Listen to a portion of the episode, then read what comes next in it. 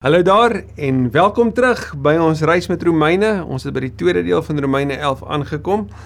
Vir elkeen van julle, dankie dat jy ook hierdie spasie kies en dat jy deel is hiervan. So terloops, as jy wil weet van wat gebeur ook op hierdie YouTube kanaal, onthou natuurlik dat jy net like kan druk en dan sal jy daarop herinner word en jy sal ook op ons playlist dan kan sien watter vorige studiestukke daar is vir jou en ook dit verder kan deel net soos wat hierdie notas beskikbaar is soos die notas van al die ander studiestukke wat op ons playlist is vir jou beskikbaar. As jy dit dalk op 'n ander tyd sou wou reis, deurreis saam met dalk 'n selgroep of op jou eie, asseblief weet ek sal daai ook vir jou stuur. Stuur maar net my e-pos. Ons reis met Romeine het by die tweede deel aangekom van hoofstuk 11 en hoekom ek dit so sê is dan hoofstuk 9 tot 11 is 'n baie komplekse studiestuk nie waar nie. Wat is God se plan met Israel? Hoe pas Israel binne in God se reddingsplan teenoor hierdie wêreld? Hoe nou dat die die heidene nasies tot geloof gekom het in hoofstuk 11 se eerste deel dit so mooi beskryf. Wat gemaak met die, hierdie groep Israeliete of Jode wat wat verhard het teen die evangelie, wat dit nie glo nie, wat nie dit deel nie wat soos Ben Shapiro dit nou die dag beskryf het, glo dat jy moet werk om eendag 'n beloning te kry, om eendag iets te verdien, om eendag 'n belewenis van God te kan hê. En sê maar die Christendom werk andersom. Die Christene is se boodskap is jy het jy het reeds ontvang, daarom kan jy nou anders leef. Die beweegrede is anders. Hy sê daarin trouens dat dit makliker is vir Christene en hy's reg. Dit is makliker want Jesus het dit in ons plek kom doen. Jesus het kom doen wat ons nie kan doen nie. Sodat ons nie uit ons eie pogings hoef te probeer nie want ons sal nooit goed genoeg wees nie. Romeine het ons soveel keer al gewys. Maar juis omdat Jesus ons nuut gemaak het, kan ons nuut leef. En Paulus se argument is as volg: Die Jode het verhard, dit het gelei tot die verspreiding van die evangelie onder die heidene. Nou as die Jode daarna kyk, bid hy dat dit hulle jaloers sal maak, dat hulle passionately stirred up sal wees, soos wat die wat die Engelse vertaling van die Grieks is.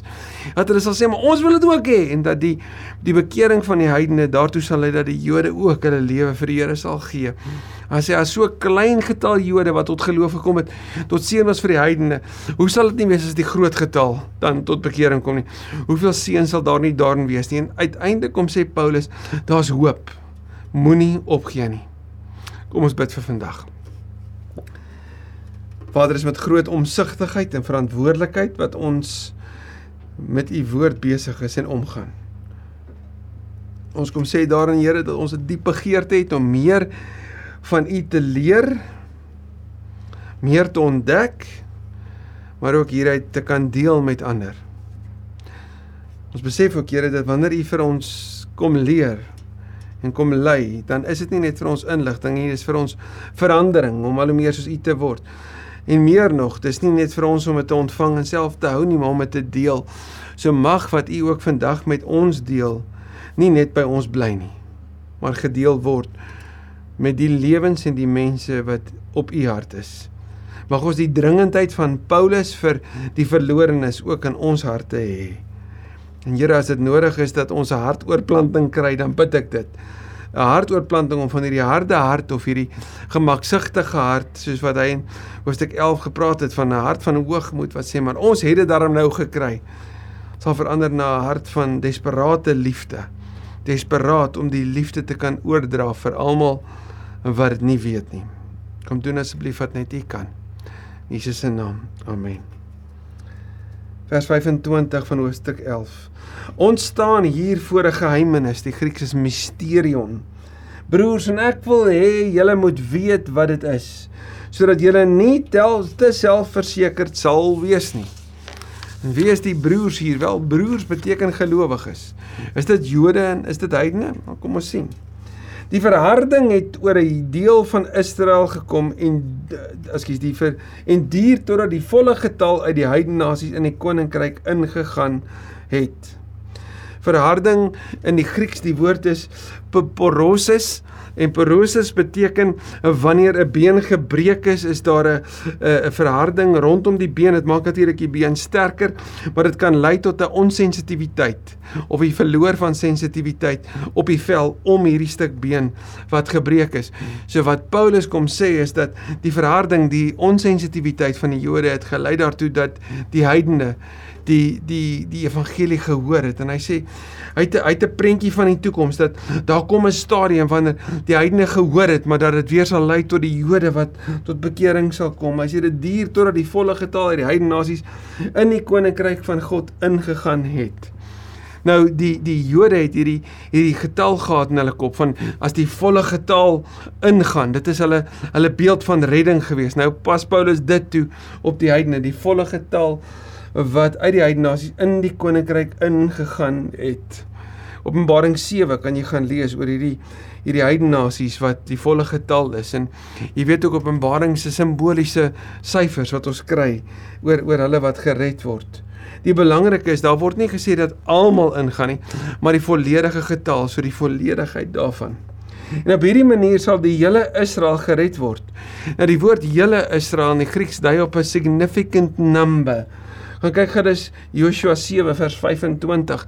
Wanneer Joshua praat oor die hele Israel, dan is dit nie die hele Israel nie, maar 'n groot getal, 'n 'n beduidende aantal wat ingegaan het. 2 Samuel 16:22 sien ons dit ook dat Absalom in sy tent was vir almal sigbaar, die hele Israel, maar dit was tog nie vir die hele Israel nie, maar vir 'n groot getal wat daar om was wat dit kon sien. Die die vraag uiteindelik wat wat Paulus kom kom vra is maar maar maar maar wat is God mee besig? En en die antwoord daarop is die Here is besig om die redding te bring onder die heidene nasies, maar ook onder die Jode. Soos ons verlede keer gesien het, vanuit die Jode is die evangelie na die heidene toe verkondig en vanuit die heidene word dit weer terug verkondig na die Jode toe totdat die volle getal gelowiges uiteindelik by die koninkryk sal inkom en die wederkoms kan gebeur. So staan daar geskrywe uit Sion sal die redder kom. Hebreërs 12 vers 22 verwys na Sion as die nuwe Jerusalem, nê, nee, en en dat dit die plek is waar Sionsberg is. Uit Sion sal die redder kom en hy sal die goddeloosheid van sy volk Jakob verwyder.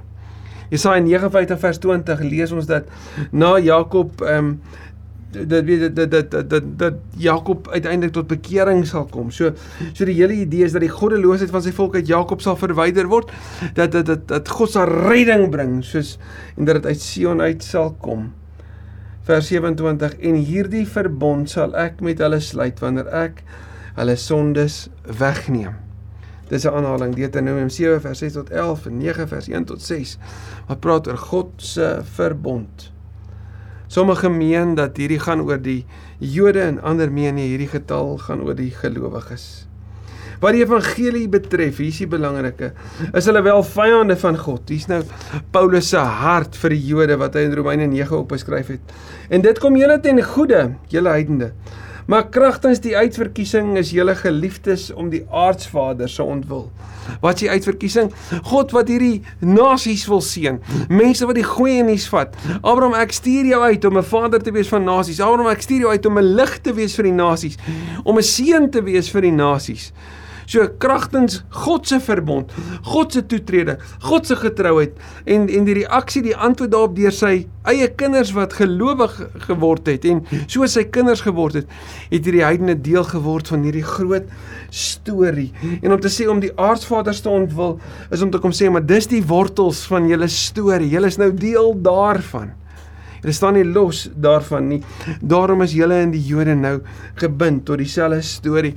Daarom die hele idee van die Judeo-Christianism, Christendom, dat dit verbind is aan mekaar. Dis nie verwyder nie. God se keuse was om deur hierdie klein groepie die die wêreld te bereik en dit is steeds so. As God eenmal aan mense sy genadegawe geskenk het en hulle geroep het, trek hy dit nooit weer terug nie. Maleagi 3 sê God verander nooit nie. God trek dit nie terug nie. God gee dit en en die argument sal dus wees as God dit dan vir vir Israel gebied het, gaan hy dit nie terugtrek nie. Onthou jy Hosea 11, want sy liefde brand te sterk. Jy kan dit nie verdien nie. Dit bly 'n genade geskenk. Vroeger was julle heidene ongehoorsaam aan God, in Romeine 1. Maar nou dat die Jode ongehoorsaam geword het, het God hom oor julle ontferm. Hoekom? Want julle die storie van die redding wat gebore is uit 'n Joodse stal, gesterf het in die in die in die ruimte van die Jode daar in Jerusalem wat sy lewe kom gee. Daai goeie nuus het julle nou bereik. Juis omdat hulle verhard het. Hulle wou nie eers hoor nie. Maar nou, nou het God hom oor julle ontferm. Nou word julle deel van die storie waarvan Dawid sou skryf in Psalm 103. Kan jy jouself indink vir die heidene wat tot bekering gekom het in daai tyd om te hoor dat die groot storie is ook nou ons storie. Om te hoor dat julle kan ook nou uit Psalm 103 gaan ontdek dat die Here is barmhartig en genadig, lankmoedig en vol liefde.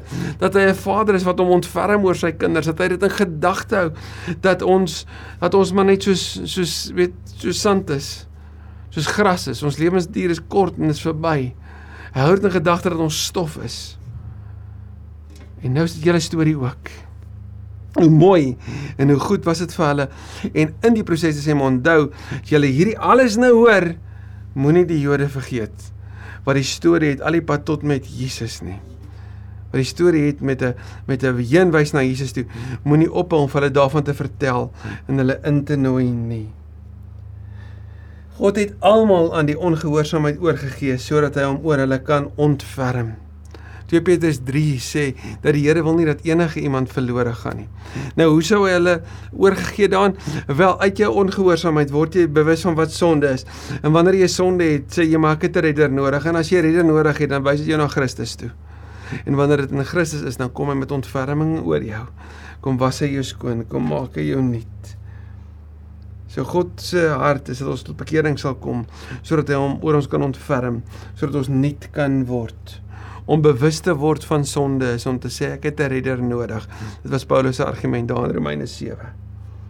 En dan eindig Paulus met 'n lied oor God se ontferming. 'n Lied in hierdie deel wat wat vir die Jode ook sal terugneem na hulle tekste toe wat kom vertel van hoe goed hy is sodat hulle wat lees van die evangelie en dink oor wat nou van die mense wat hulle verhard het hiernatoe om hulle te motiveer om hulle aan die gang te sit en sê maar gaan terug na julle mense toe. Gaan kyk vanuit hierdie teks en lei hulle terug na die goeie nuus toe. Die evangelie van genade o diepte van die rykdom en wysheid en kennis van God. Hoe ondeurgrondelik is sy oordeele hoe onnaspeurlik sy wee. Wie ken die bedoeling van die Here? Jesaja 40:13. Wie gee hom raad? Wie bewys hom 'n guns? Job 41:11. Sodat hy verplig is om iets terug te doen. Niemand kan iets doen en God dwing om dit terug te gee nie. Daarom sal genade altyd 'n geskenk wees. Daarom sal Ben Shapiro se se argument altyd in in die wiele gery word want jy kan nooit goed genoeg wees om te sê ek verdien. Jy kan nooit sê Here, ek het al hierdie dade nou gedoen. Wel, ek was 'n goeie mens. U moet my nou inlaat asof 'n beloning op my oulikheid nie. Want ek kan nie. En God skuld my niks. Daarom is dit nie uit skuld nie, maar uit liefde wat hy kom gee het.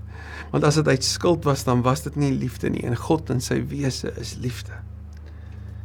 Uit hom en deur hom en tot hom is alle dinge. Aan hom behoort die heerlikheid tot in alle ewigheid. Handelinge 17 wanneer Paulus met die Ateeners praat, dan sê hy vir hulle: "Want uit hom leef ons, beweeg ons en is ons." Vers 27 en 28. Kolossense 1 vers 15 tot 20 sê Jesus is die punt van die skepping. Alles in die skepping beweeg na hom toe. Hy bring die herstel in die skepping. Alles beweeg tot sy eer. Uit hom en deur hom en tot hom is alle dinge. In hierdie laaste lied kom vertel Paulus iets van God wat die gans ander is. God wat sy gedagtes ver bo ons gedagtes is. God het ons nooit sou kon afbring op 'n plek van mens tot mens om met hom te argumenteer of selfs te onderhandel of selfs te kom sê maar maar ek bied dit so u skuld my nie. God te wie ek nie 'n guns kan doen deur my lewe vir hom te gee nie. Ek doen hom nie 'n guns nie. Ek aanvaar die grootste geskenk wat daar is. Ek ontvang redding wat ek nooit sou kon verdien nie. Ek kry vryspraak in 'n familie en die heidene hoor ek word deel van 'n storie wat baie groter is wat ek ooit sou kon dink. En daai hele storie kan ek nou as my eie vat. En vandag is ons as gelowiges bevoorreg om wêreldwyd te kan weet omdat hierdie klein groepie wat begin het met hulle uitreik aksie getrou was, het dit ook die suiderpunt van Afrika of die die ooste kant van Australië of die weste kant van Amerika of die noordste kant van Europa bereik. Weet mense. Maar die tragedie is daar steeds omtrent 40% van hierdie omtrent 8 miljard mense op hierdie pragtige planeet wat dit nie weet nie. En Paulus se dringendheid is dan moet 'n terugbeweeg wees na die vertel van die goeie nuus. Nie 'n passiwiteit nie, maar 'n dringendheid van die diepte van die rykdom en die kennis van God, die ondeurgrondelike oordeele van God, die liefde en ontferming van God kan nie net onsin wees nie. Ander moet hoor van watter storie hulle kan deel wees.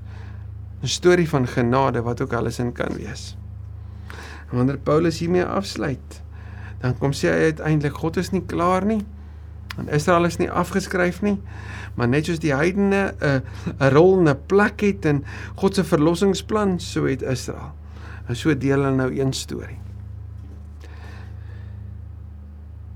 Dankie Here dat ons nou al vir 11 hoofstukke met Romeine kon hoor hoe goed U is en hoe diep U omgee is en hoe geduldig en genadig U is en hoe hy intree vir ons en hoe niks ons van die liefde kan skei nie. Hoe dit alles vanuit geloof kan kom omdat dit uit genade geskenk is. Hoe hierdie nuwe lewe vir ons gegee word sodat ons kan breek met die ou ek, sodat ons 'n nuwe lewe kan leef, sodat ons kan weet vanuit geloof is ons gered. Niks anders nie, ons is deel van 'n nuwe lewe. Niks kan ons van die liefde van U skei nie. Dat hierdie ons kan bring om te kan getuig omdat ons glo en omdat ons bely, het ons 'n storie om te deel en omdat ons ons 'n storie het om te deel, moet ons gaan, moet ons vertel, is ons gestuur. En soos ons gestuur is, so brei dit uit. Alles omdat ons dit ontvang het. Mag ons in ons voorbereiding vir ons volgende bymekaar kom. Nadink oor wat u goedheid juis vir ons leefstyl beteken. Hoe dit dit verander en wat u van ons vra. Nie omdat ons u iets skuld nie, maar omdat ons u liefhet. Nie omdat U vir ons 'n nuwe wet kom gee nie, maar omdat U lewe en U wil vir ons goed is. Dis vir ons beswil. En wanneer ons vanuit U genade en U strengheid iets van die lewe proe, bid ek Here dat dit ons sal bring by 'n honger vir meer. Meer van U en meer van U woord in Jesus se naam. Amen. Amen. Ek hoop om jou volgende keer weer te sien.